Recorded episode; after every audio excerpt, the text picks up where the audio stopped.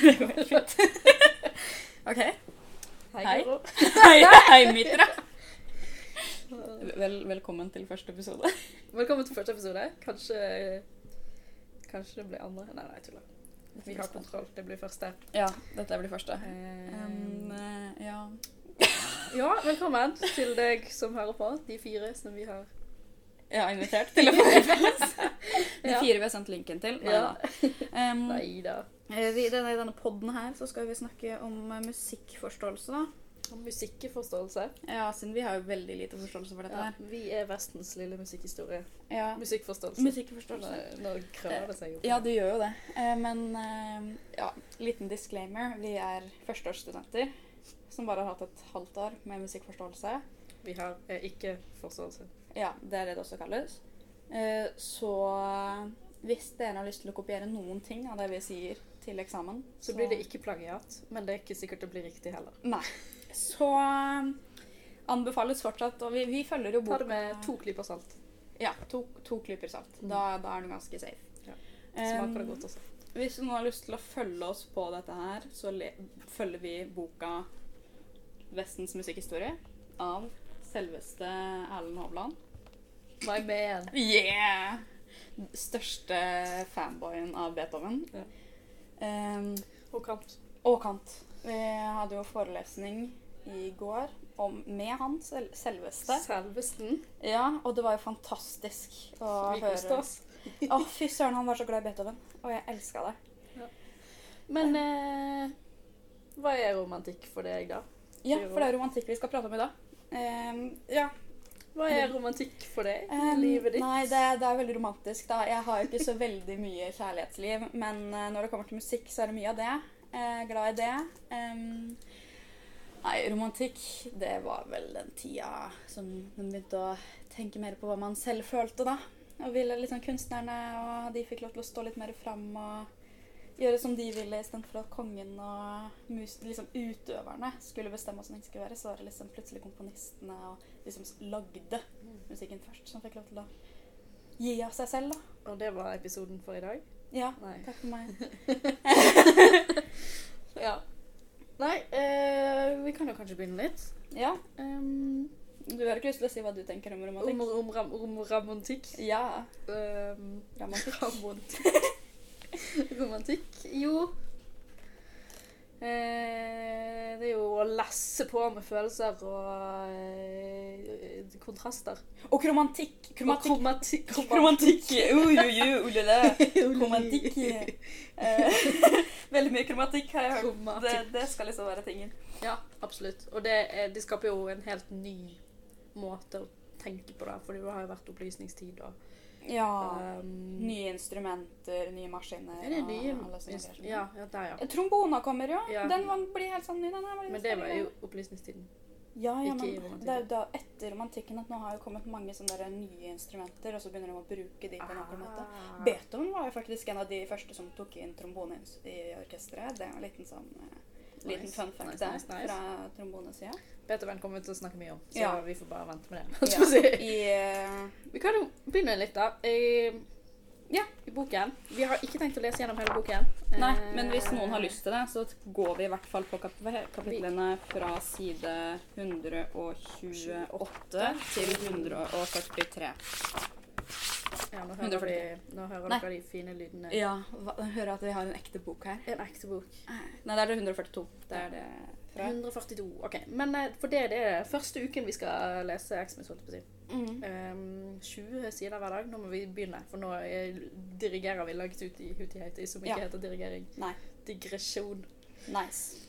Uh, hvordan kan vi definere romantisk musikk, er det første som står i boken. Og Eller det gjør ikke det, jeg har laget det er mine ord, ikke boken sine. Okay. Eh, for romantikk er blitt brukt eh, om perioden etter Beethoven og frem til Richard Strauss. Ja. Men det er jo veldig Folk er jo veldig strid Ja, eh, om hva romantikk er, og hva romantikk er, og hva romantisk musikk er. ja for i kunsten så skulle det liksom være i- eller billedkunst og sånn andre kunstarter enn musikk, så er det liksom veldig sånn Å, det er fra 1800 til 1830. Mm. Mens uh, musikk er litt mer sånn det, det er bare tidstiden. Så all kultur, romantikk som en kulturhistorisk hendelse, Ja. det blir satt til 1800-tallet, 1800 til 1830. ja, ikke sant. Eh, Men jeg synes det er litt sånn men musikkhistorikerne, Ja. de vil jo si at uh, romantikk er som en romantisk stil, Mm. som, da, som da Hva var det de sa da? Det blir et historisk fenomen Mm. i forhold, i, i, framfor en, eh, epok, en periode, da. ja. Som Beethoven introduserte. Som Ja. Nei, for det er jo litt sånn spennende, da, fordi um, det uh, som kommer her litt, da, er at uh, klassisisme Ja. Det var jo et nytt ord i romantikken. ja for å liksom Og- definere det som kom Ja. før. Og de, de eh, filosofene og forfatterne og kunstnerne som hadde lyst til å definere romantikken, Mm.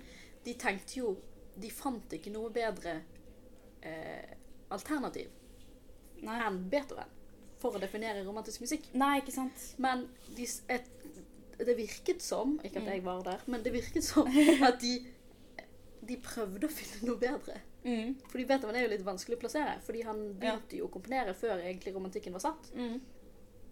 Og ja, de, vi har jo definert det som etter Beethoven, Mm. eh, selv om Beethoven fortsatt levde etter Beethoven. Ja. Eh, som er litt gøy. Kult. Kult. Oi, nå kom det en lyd. Deilig. Eh, men eh, hvis vi skal gå videre på den eh, betegnelsen som at, at romantikk er et musikkhistorisk fenomen, nei, et historisk fenomen, Mm. så er kunsten basert på en historisk selvbevissthet. En historisk selvbevissthet, den kom i romantikken. Mm. Så for det, før det, liksom, når vi snakker om opplysningstida, så var det ikke den selvbevisstheten. Det var bare at nå vil vi ha ting til å være rasjonelt og måte, Mm. ja, og måte å definere ting på. Absolutt. Og det vil jo Det kommer jo som Altså, de, de stilistiske trekkene som er vanskelig å sette ord på, Mm. men de, blir, de kommer jo som et bevisst opprør mot det som er bestående da, i samtid. Det kan man jo si om det generelt politiske på den tida. Absolutt. Fordi at det, romantikken det kom på en måte med den, ja, den franske revolusjonen. Det var på en måte et svar på den også. Mm. Eh, også at det allerede var bror, likhet, frihet, brorskap. Mm. Frihet, likhet, brorskap. Frihet, likhet, brorskap. Takk. Eh, og da når åh, Det var en sånn greie han prata om at Beethoven Han likte Napoleon først, Ja. og, så drev, og så endte Napoleon opp med å liksom snu om på de verdiene som kom med revolusjonen. Det som står i boken, er vel at han svek um, idealet, eller Ja. eh, om seg selv og, som hersker, Mm. og eh, idealet, det samfunnsmessige idealet om frihet, Ja. likhet, brorskap. Mm. Og derfor, den første symfonien til Beethoven, ja.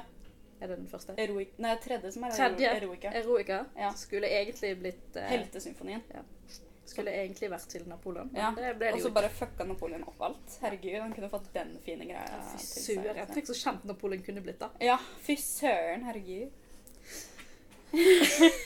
Har vi sagt hva vi heter? Nei, eller jo, vi sa det i starten. Hei, Mitra. Hei. Nei, men jeg, jeg heter ikke Mitra Mitra. Jeg heter Guro. Ja.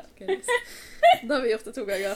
Deilig. Uh, men uh, så kan vi jo vi kan gå litt videre på musikken, da. Mm. Uh, Før vi går helt over til Beethoven og alle ting. Um, fordi Eller Symfonien. Ja, jeg tenkte mer på at romantikken kom med et krav om originalitet. Ja. Og den ble jo beskrevet i samtiden Mm. som original, grotesk og bisarr. Ja. Men da var det Beethoven som ble beskrevet der. Det ja, vi litt videre inn på. Han er jo selve romantikken. Ja, han er jo selv Men, men da er det jo det på en måte svaret på det Mozart var jo liksom klassisisme. Og så var det jo faren som sa noe sånt som at Ja, Sølvås Leopold. Sa noe sånt som at Nei, men du skal ikke drive og være, original, siden originalitet det selger ikke. Mm. Så det, det som var med klassismen og de tingene før, var at du skulle selge for å tjene, og hvis du skulle selge, så måtte du skrive noe som alle likte. Og Mm. dermed skulle du skrive noe som helst ikke var noe veldig annerledes enn det du hadde skrevet før, som folk likte. Ja, for Mozart sine ting, vi som har spilt Mozart en del, det er jo, ja, det er jo forskjellig, men det er veldig likt, og formen Ja. er veldig lik, og alt er veldig sånn eh, Man skjønner hvordan musikken hans kan ha kommet på samlebånd, for Ja, å si det sånn. Så på den måten kan du si at Mozart hadde sin stil. Ja. Eh, fordi at alt var veldig likt. Og mens Beethoven, Mm. alle hans ni symfonier, Mm. Eh, de er jo helt forskjellige. Mm. Og, eller helt og helt forskjellige. Men de er i hvert fall forskjellige, og de har brukt forskjellige musikalske virkemidler. De har brukt Mm. Hei, de Beethoven. Eh, og det er jo eh, det er jo det som faktisk er forskjellen. da, at Vi trenger originalitet. Origina, yeah. Originalitet. Originalitet. Ja Det er så mye surr her. Um, og det er jo den originale, den groteske og bisarre som Mm. betegner det nye og uskjønne Ja. ved romantikken. Og Da kan jeg hoppe litt sånn langt fram i boka, da, anførselstegn. Yeah, yeah. eh, nå, men det at Beethoven hadde så mye forskjellige symfonier og ting han skrev, gjorde også at det, kun, det var mulig å på, ha en påfølgelse på Mm. dette her med at det, alt trengte ikke å være likt. Mm. Og man, den originaliteten og alt sånt der, så det var jo Brahms som fikk veldig den der på skuldrene at oi, han er den nye Beethoven. Mm. Eh, så det skal jo si at det tok jo 22 år eller noe sånt så før han klarte å skrive liksom en ordentlig symfoni igjen. Ja. Eh, for, etter at han fikk den liksom lagt på skuldrene. Det var Schönberg eller noe som sa det. Ja, var, eh, som sa liksom at å nei, han er, eh, han er nye Beethoven. Og da, tok, da var det sånn oh shit. Ja. Fikk den, eh, det presset. Tok veldig lang tid før han skrev noe. Og da det kommet noe eh, fra han, da, hans første symfoni, så ble det plutselig sånn Oi, det er som et svar på den femte eller den niende da, til Beethoven. Det kunne nesten være en tiende symfoni. Ja. Siden det var såpass ja. Tiende symfoni. Er ikke det sånn telefoner som ikke tør Nei, det er nier. De tør ikke lage nier, fordi Sony lagde, eller Samsung lagde en nier-telefon som klikket helt og var helt ja, alt stammer egentlig bare tilbake til Beethoven. Ja, Det er det som mm, er tingen. Oi. Men eh, ja, kult. Ja, veldig kult. Instrumentalmusikken. Det er jo det Ja. vi har om instrumentalmusikken på 1800-tallet. Det er jo det kapittelet heter. Ja. Um, det som er interessant med instrumentalmusikken, er jo at eh, E.T.A. Hoffmann eh, Han betegnet det, den instrumentalmusikken som den mest høyverdige musikken. Instrumentalmusikken. Ja. Som, og den rene musikken, da, som, som går litt tilbake til eh, Til eh, Nå er jeg spent. Ja, jeg også. Til det vi snakket om, da. Eh, om at eh, det, det skulle være originalt, og Ja. det, skulle være, det, skulle være, det skulle være noe nytt, da. Ja. Og noe, noe som traff på nytt. Ja. Ja. Eh, som Beethoven da gjorde hver gang. Eh, Mm. det, eh, Skjebnesymfonien, da, som er selve Det står i boken. Eh, selve innbegrep, inn, innbegrepet av instrumentalmusikkens vesen. Oi. Ja. Det er jo en, en, en diamant. Jeg vet ikke. Heftige greier. Ja, heftige greier. Eh, når- når jeg prøver å, Mm. å utblomstre min, mitt språk. Så han likte liksom best at nei, det er det rene, den rene musikken, det er instrumentene. Ja, for det som er litt gøy, da, er, hvis vi går eh, litt videre, Ja. eh, så eh, fikk jo instrumentalmusikken først nå Altså, den ble kalt den, den rene musikken, Ja. og den var rent romantisk. Ja. Og den fikk veldig, veldig mange positive eh, vurderinger ja. i sin samtid da. Eh, og dermed så går vi videre til symfonien, ja. eh, som vi skal snakke veldig mye om. Eh, eh, som da ble feiret som instrumentalmusikkens fanebærer. Og det som var da, var at eh, symfonien ble betegnet som uavheng, uavhengig og fri, Mm. som ikke så veldig mye annen musikk på den tiden var da. Em, og eh, og der, det kommer jo fra at eh, i romantikken så kom det et brudd med dansen Ja. og med sangen. Og så istedenfor at musikken skal etterligne og mi- mi- mi- Mi, mi, mi, mi. mi- mime mi- mi- mi- Mimere Jeg vet ikke. Um, skal etterligne og, og høre til dansen, dansetrinn, kroppens bevegelser. Mm. Og Ja, for det er faktisk en ting som eh, Ja. eh, At det, alt skulle liksom være så veldig fysisk. Ja, Eh, og, og all, alle skulle bevege seg. Ja, sant? og- Alle, alle suiter er jo dansesatser. Det var Mm. liksom alt som det de, hørte sammen, da. Mm. Så all musikk hadde jo en, en bruks... Altså, det var nyttemusikk Ja. um, uh, før instrumentalmusikken. Ja. Som bare var konsert og eh, som du kunne høre på flere ganger, da, står det. Ja, så når det da ble til at det skulle bare være instrumentalt og, og symfoni, og alt sånt greier, sånn her, så måtte den bevegelsen fortsette. Men den, måtte, men den skulle Nettopp. være i musikken istedenfor eh, hos de som hørte på. Ja, fordi før, eh, før symfonien, eller før instrumentalmusikken på Mm. 1800-tallet, så var det veldig mye Det var jo mye dramatikk yeah, i, musikk, i, i kunstuttrykket, Mm. men kanskje lite i musikken generelt. Eh, eh, og da måtte man jo, når det bare var instrumentalt ork et instrumentalorkester, Mm. så måtte man finne den, den, det musikalske dramaet Mm. et annet sted. Og der kommer vi til eh, at eh, musikken måtte følge det dramatiske forløp. At Ja. de, vi som hører på, måtte følge musikkens for, dramatiske forløp. ja. Og det ble et sånn musikalsk skuespill. Ja. Em, som står i boka. og vi kan snakke litt om det senere. Men her kommer eh, Oi, nå har vi snakket om det. Ja, noen, jeg kan jo si at Noen av de virkemidlene som ble brukt, som vi sa i stad også, det var det her med kromatikken, og at dette med ledeprinsippet, som ligger i ledetonen og sånt, det ble en sånn en in, nyintrodusert ting, da. At det, det var noe som skapte bevegelse, og så hadde de jo selvfølgelig dynamikk og frasering, som ble en veldig stor greie, da. Um, for at det skapte spenning, intensitet, eh, bevegelse og det med kraft, da. Så kraft var en veldig stor greie i symfoniene. Ja. Og at det, ja, mennesket skulle være i fysisk bevegelse av musikken. Neste, neste, neste uke så Ja. må vi ha sånn kraftcount på hvor mye han derre eh, forfatteren vår sier kraft. Ja, og det syns jeg. Ja. Det synes jeg. Eh, Han er veldig glad i kraft. Men, ja, for det som er, han snakket jo om eh, de tre tidsforståelsene i musikken. Mm. At du har det momentale, det perkussive, og så har du det som holder tilbake, Mm. og det som fører musikken fremover. Ja. Og det skapte jo spenning på en Mm. ny måte. Ja. Skal vi si da? Skal vi snakke litt om, eh, mer om Napoleon? Det kan vi godt. Ikke så mye at jeg kan uh, si noe mer, men uh, egentlig. Men Napoleon svek myten om seg selv og revolusjonen, den franske revolusjonen, sine Mm. idealer om eh, parolen om frihet, likhet og brorskap. Det står fint i boken. Det er deilig. Eh, og derfor, som vi har sagt, så Eroica-symfonien ble ikke tilegnet Napoleon. For, Um, ja. men det var jo ikke tilblivelseshistorien som gjorde at Eroica-symfonien ble så viktig. Nei.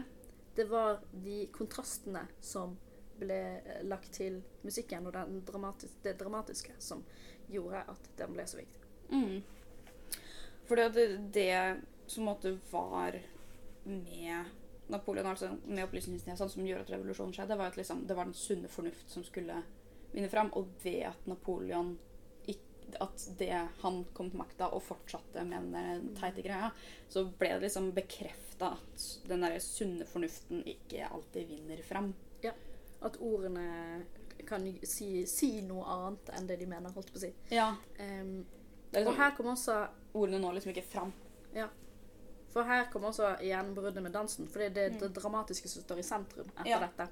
Uh, og em, eh, før så var det bundet til kroppedans, og mens romantikkens opp, eh, opphav i energi må ha andre uttrykk, da. Ja. Eh, ikke, ikke fradans og tekst og sånn. Det var veldig rotete sagt, men jeg beklager det. Men, eh, så, så kommer også musikkens tanker som de nye temaene. Så eh, å komponere med musikkens tanker i tankene, det gjorde Beethoven. Ja. Eh, som da blir altså sjelens drama, da. Mm. Det kunne man først få gjennom musikken. Eller med, Mm. gjennom kunsten. Mm. Ja, ikke sant. Han drev jo snakka så veldig fint om en sånn iCloud som alle sammen hadde. Men Smak det var ikke og- iCloud, det var sjelen. Var on. Eller ja, ånd. Ja. Uh, sånn at noen, de, bare de geniene kunne gå inn i denne ånden, da, eller iClouden, som er ånd, Ja. og hente ut de tingene som var der, for å kunne ta inn den virkelige verden og vise til folk. Og alle skjønte hva det var for noe.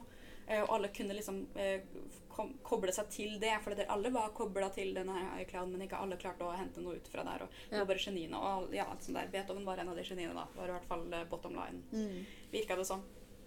Har du noe mer å snakke om når vi kommer til fra fornuft til musikk? Hmm, vi kan jo gå litt inn på Kant, hvis vi skal gjøre det, da. Ja, la oss gjøre det. Ja. for det, det som var med Kant at han, han, gjorde, han var den første moderne filosofen som gjorde estetikk til en integrert del av et filosofisk system. Og snakka veldig mye om det der med kunstens frihet og autonomi. Eh, fordi ja, Vi sa jo nettopp at dette her med smak eh, Når vi kommer til dette her med den der skyen som alle er der ånden, som alle har, da. Eh, det var, det var en Han kalte det for en subjektiv allmennhet av smak, da. At alle sammen hadde noe Alle kunne på en måte si at eh, Oi, havet ved solnedgang over havet, det er vakkert. Eh, man kan ikke si hvorfor, man bare vet det. For det er forskjell mellom objektivt og subjektivt eh, eh, nytelse, holdt jeg på å si. Ja, det, ja, siden det var jo et annet eksempel som var i boka Nei, det var i forelesningen, hvor han prata om at akttegning, eller Mm. aktkunst, det, det var enten pornografi eller så var det kunst. Eh, og der har du den der veldig subjektive. Ja. Det er der det kommer til uttrykk. Så dette med kunst og sånt, at uh, kunst ikke lenger var eh, et middel, da. Hadde en, nå hadde det plutselig en egenverdi. For at, ja, nå går jeg litt sånn der fram og tilbake her, merker jeg. Men den når vi snakker om opplysningstiden og sånt der, og disse her forløperne til Kant, som eh, Platon og Aristoteles og disse her andre store, Mm. Eh, de var jo veldig på dette med at nei, kunst og alt sånne greier som det der, det var jo Alt var for å tjene Eller sånn serve a purpose, eh, på godt norsk. Eh, og liksom Alt hadde en mening, da. Alt skulle liksom eh, kunne beskrives. Opplysningstida og alt det der. ikke sant? Mm. Alt skulle ha en mening. Eh, så når da plutselig Kant kom og sa det at kunst må ikke ha en mening. Kunst er en egen ting Ja. uh, som kan oppleves for seg selv. det var han som sa at hvem var det som sa at uh, hvis, hvis noe har en funksjon, så er ikke det kunst? Var det Kant? Oi, det husker jeg ikke. Det må jeg bare sjekke opp. Men det var Oi! Kan du si det en gang til? Uh, la oss prøve. um, hvis noe har en mening, en funksjon, Ja. Så er det ikke kunst. OK, jeg tror Jeg lurer på om, om det ikke var Kant, så var det Aristoteles Oi, eller Platon. oi, oi. For det var tidligere. Det var det. Jeg er ganske sikker på det. Nå, Hvis noe ikke hadde mening, så var det ikke kunst. Ja. Nei, hvis jo, jo, da var det kunst. Hvis noe, ikke, hvis noe hadde en funksjon, Ja, et gjøremål eller noe, så var ikke det kunst. Det kan jo ikke ha vært det de første Det, kan, det var vel ikke noe det første Nei, okay. der. Siden jeg, det var en annen her som het Oi, hva var han het? Han hadde et veldig rart navn her. Nei. Eh, Bordieu. Å, Bordeaux! Bordeaux. Jeg, vet, Jeg, vet, jeg, jeg kan ikke fransk. Fransk. Det er fransk. bo- bo- bo- Jeg, jeg, jeg, jeg har lyst til å si Bordieu. Ja, vi sier det. Ja, da sier vi Bordieu. Eh, vi har rett. Um, Skriv det på eksamen. ja. Bordieu. For jeg skal ikke ta meg på fransk uttalelse, altså. Fy søren. Um, Får jeg- masse kommentarer, hatkommentarer i For det, han, han sa det at der, um, Ja, en forutsett... Ok, skal vi se her. Uh, for Bourdieu er, en, er forestillingen om kunstens relative autonomi en forutsetning for at kunst kan ha en kritisk funksjon. Aha. Og da kommer vi også litt inn på det der med at uh, kritikken hadde veldig mye å si for kunst. Ja. Sånn at kritikken ble en utvikling på kunsten igjen. Sånn at kritikk ble på en måte en egen kunstform. Kunsten fikk på en måte en større verdi av å bli kritisert. Mm. Uh, og det er litt sånn Det er litt rart. Og jeg kjenner at som uh, musikkstudent så eh, skjønner jeg at kritikk kan ha en veldig stor innvirkning for eh, dette med at, å gjøre kunst større. For det er noe av det vi gjør mest her, det er jo å ha fag som går på å analysere Mm. kunst. Eller å analysere musikk og sånt.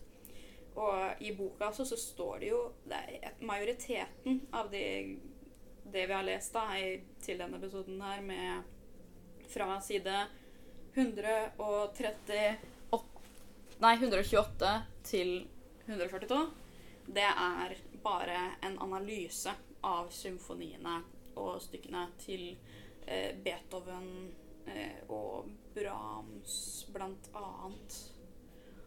Så det er veldig, veldig eh, En veldig stor verdi, da, i eh, kritikken eller analysen da, av Ja. eh, kunsten plutselig. Jeg husker på forelesningen i går, så sa han vel at kritikken ble en, en del av komposisjonen. Ja! Ja! Det er ganske drøyt. Egentlig, når man tenker over det, siden før så var det bare liksom at ja, kunsten hadde en mening. Det var at dere skulle underholde, på en måte. Og så når plutselig da eh, kunsten ikke hadde noen mening lenger, så ble det en den, Da ble den forstørra av at det, folk på en måte prøvde å finne mening med det. Mm. Og jeg tror det er litt sånn, kanskje det er bare en sånn Nå ble jeg veldig filosofisk her. Kanskje det er bare en sånn greie med mennesker at eh, mennesker bare ønsker å finne en mening ved alt. Ja, det er jo Liksom, derfor religion har oppstått. Ja, stemmer det. ja. Han snakket jo om denne religiøse treenigheten med Mozart, Haydn og Beethoven. Ja. ja. Skal vi gå inn på den, vi Jeg kan ikke så veldig mye om den, men du kan gjerne gå inn på den. Det jeg vet, da, er at Mozart har én måte å komponere på, Haydn har en annen, og Beethoven har en annen. Og det var det. Den hellige treenighet. Den hellige treenighet. Så er den er et Jeg vet ikke hvor man kan finne ut av det, men du kan i hvert fall eh, søke på nettet. Mm. Takk. Takk. Takk.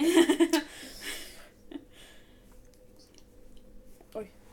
Mistet det blyanten. Ja, det sto hvem var det som, Han sa det faktisk i går, der at eh, klassisk musikk var mer religion enn kunstart. Og Ja. det var basert på historisk gjetning. Mm. Fordi at vi Istedenfor uh, det at du skal få ordene til å beskrive Ja. en sannhet, så skal du Ja, det blir vel en gjetning, da. Ja, for det er også en sånn ting jeg tenkte på.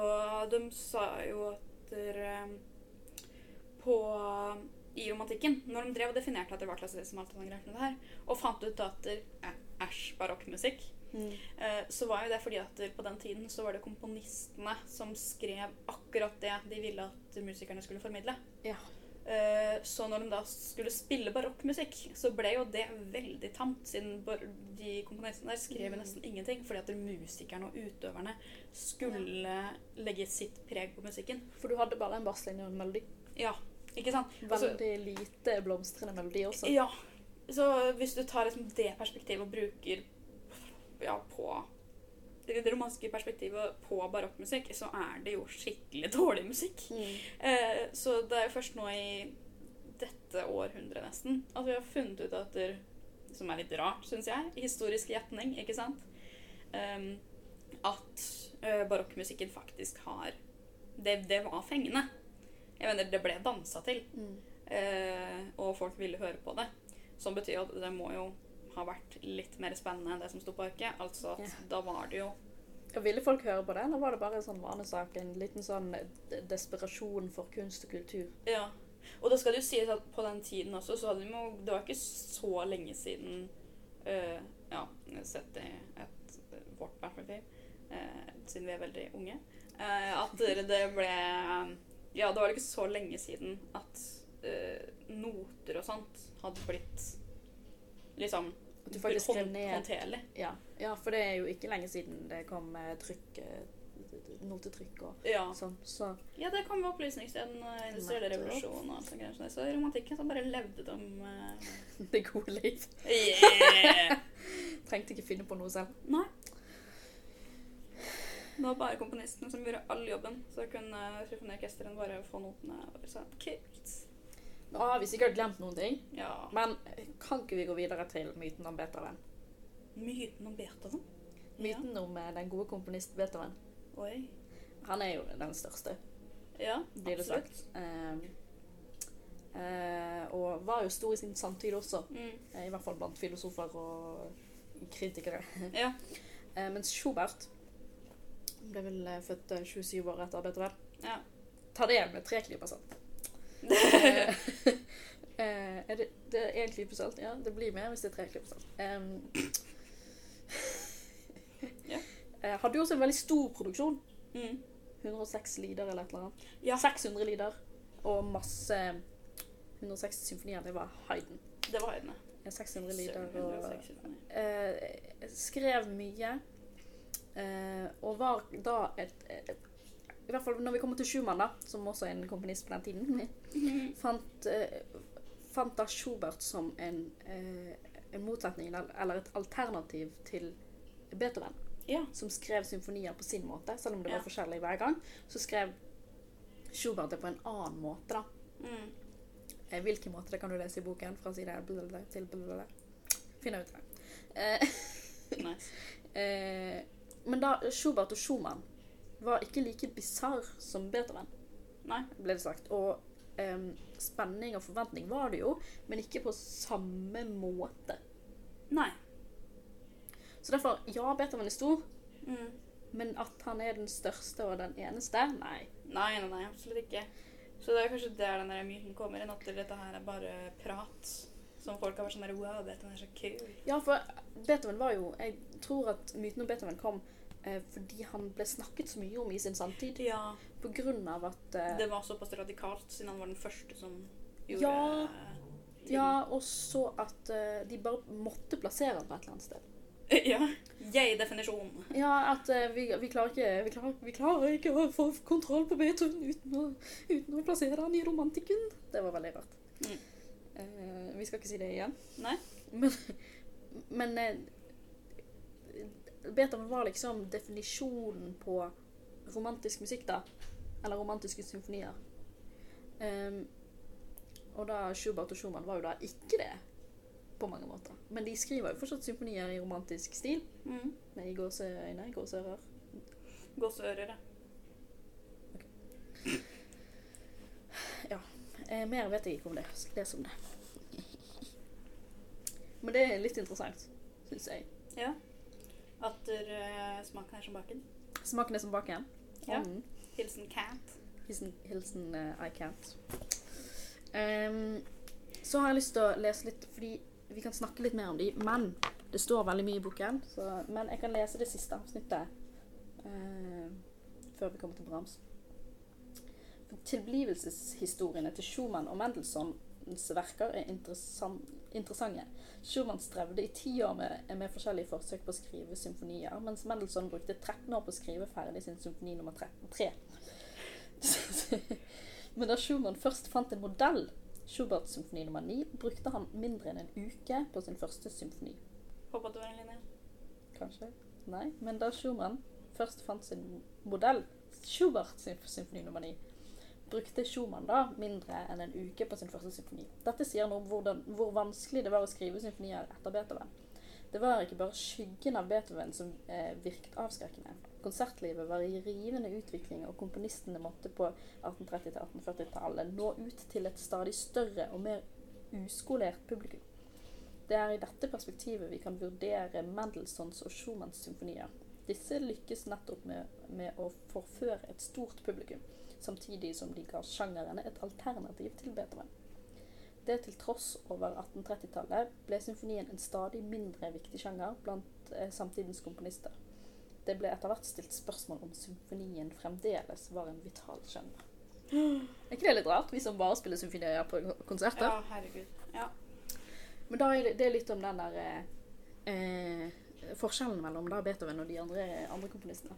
Ja, for det er litt sånn at selv om på en måte Beethoven satt en standard, så er det fortsatt sånn at folk er forskjellige, og komponister er forskjellige, så de skriver De er jo forskjellig. bare, de er bare mennesker, de òg. Ja, de er jo det. Herregud, stakkars Beethoven. Tenk å måtte leve opp til sitt eget omdømme.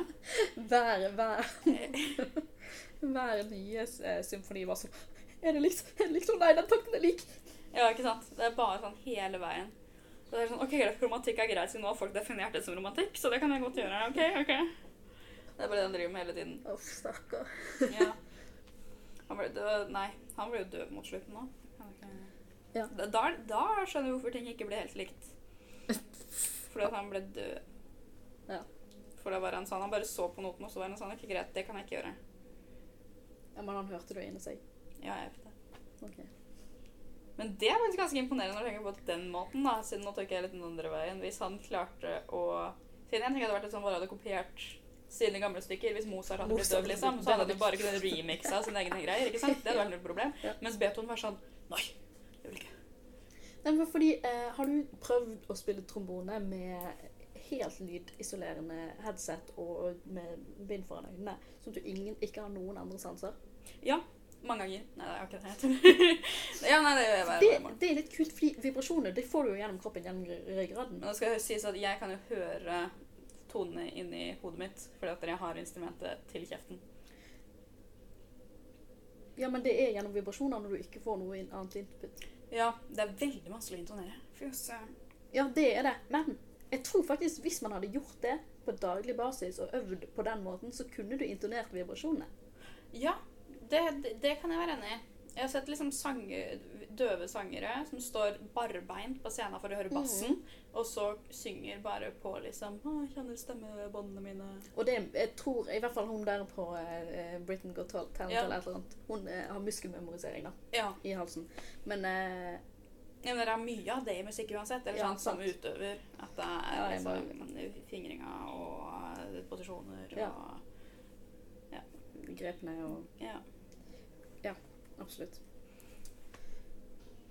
Syns fortsatt er ganske Ja, fy søren. Props til alle. Props. Props til alle. Cred. Creds. Creds. Cred. Det, det er veldig mye sånn eh, Mye litt sånn Vi har ikke gått så mye inn på de forskjellige musikalske aspektene ved hver komponist. Nei. Og det eh, Det kan liksom, det det er en fordypningsting, tenker jeg. Ja, og det kan være vi gjør det videre, og kanskje det er ekstremt viktige verk som gjør det. Og Beethoven har noen viktige verk, men Ja. eh, der har vi oppsummert det ved kontraster. Men det er jo Ja. veldig mange forskjellige kontraster. Ja, og- og mesteparten av det som står i dette kapitlet her, eller ja, dette delkapitlet her, det er jo at det er bare Ja, en veldig analyse, på en måte, av de forskjellige komponistene sine verker. Ja, og det er, Eh. det er veldig nyttig å lese. Vi bare orket ikke. Nei. Men, eh, men kan ikke vi gå over til neste spalte?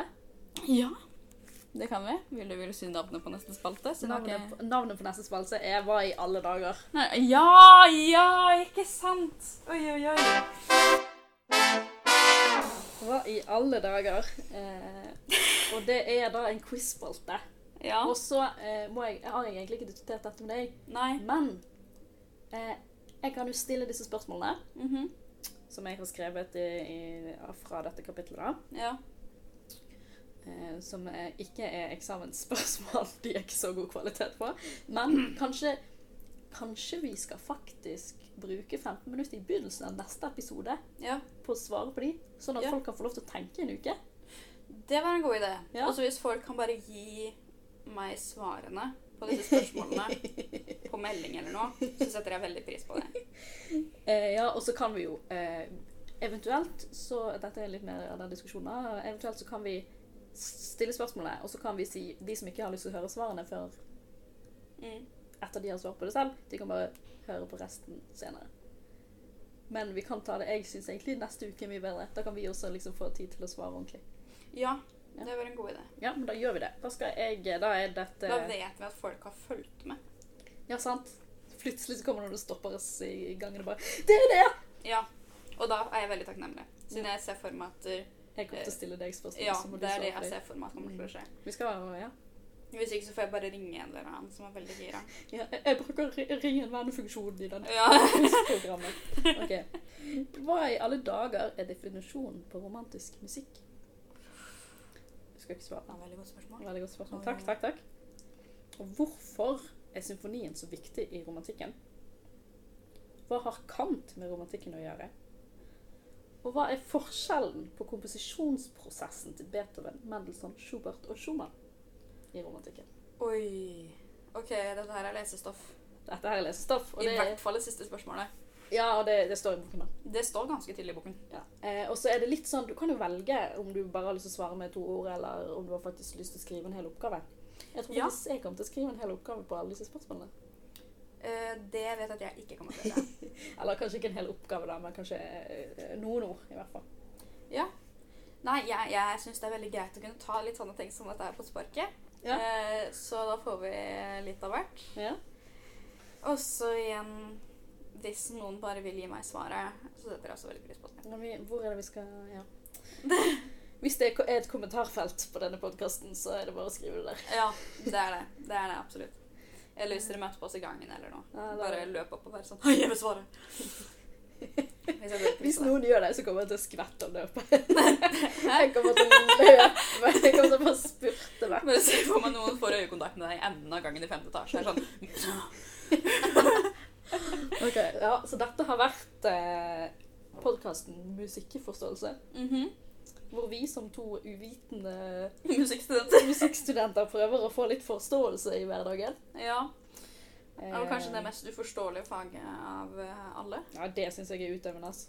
Utøvende hovedinstrument er det mest uforståelige faget noensinne. Ja, det er kanskje det. Nei. Ja. Ja. Men Vi- eh, Jeg syns vi har gjort en god jobb. vi har gjort en god jobb. Hvis bare, ja, vi setter veldig stor pris på tilbakemeldinger. Ja. Hvis vi har glemt noe som er viktig, eh, Så si det. Si det, skriv det. Vi har mail, vi har Telefonnummer. Men det skal ikke vi si her. Nei, det, det var det jeg også tenkte. um, mail. Kanskje vi bare får oss en podkast-mail? Jeg tror kanskje det. Ja. Men det får vi kanskje ordne til neste uke.